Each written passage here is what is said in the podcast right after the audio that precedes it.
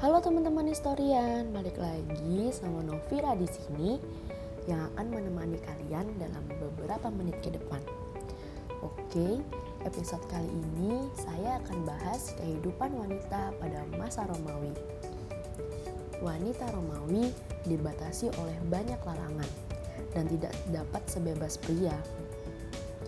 Wanita tidak dapat menjadi kaisar, anggota senat, gubernur, atau tentara Sementara pria Romawi nih teman-teman diperbolehkan untuk memukul istri dan budak mereka.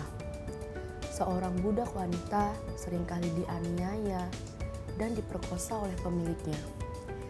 Jika budak wanita melahirkan anak, maka anak itu sering kali dibunuh atau dijual pada orang lain. Kebayang gak sih teman-teman historian? Betapa menderitanya wanita-wanita Romawi pada zaman dulu. Lalu, beberapa anak perempuan dapat bersekolah dan sedikit dari mereka dapat memperoleh pendidikan tingkat lanjutan. Setelah menikah, perempuan Romawi tetap berada di bawah kuasa ayahnya. Setelah ayah mereka meninggal, anak perempuan Romawi memperoleh warisan yang setara dengan anak laki-laki perempuan Romawi dapat mengelola bisnis sendiri dan memiliki properti sendiri.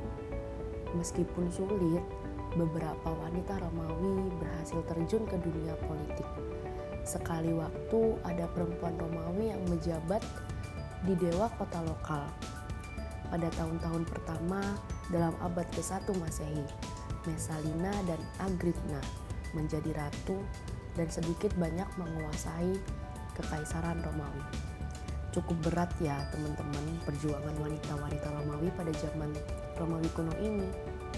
Duh, kalau teman-teman historian ada di zaman itu, kebayang nggak sih penderitaannya? Dihakimi, bahkan tidak bisa bersekolah dalam tingkat lanjutan. Udah ah, jangan dibayangin sakit teman-teman kayak lihat gebetan pergi sama yang lain receh banget ya oke sekian episode pada kali ini.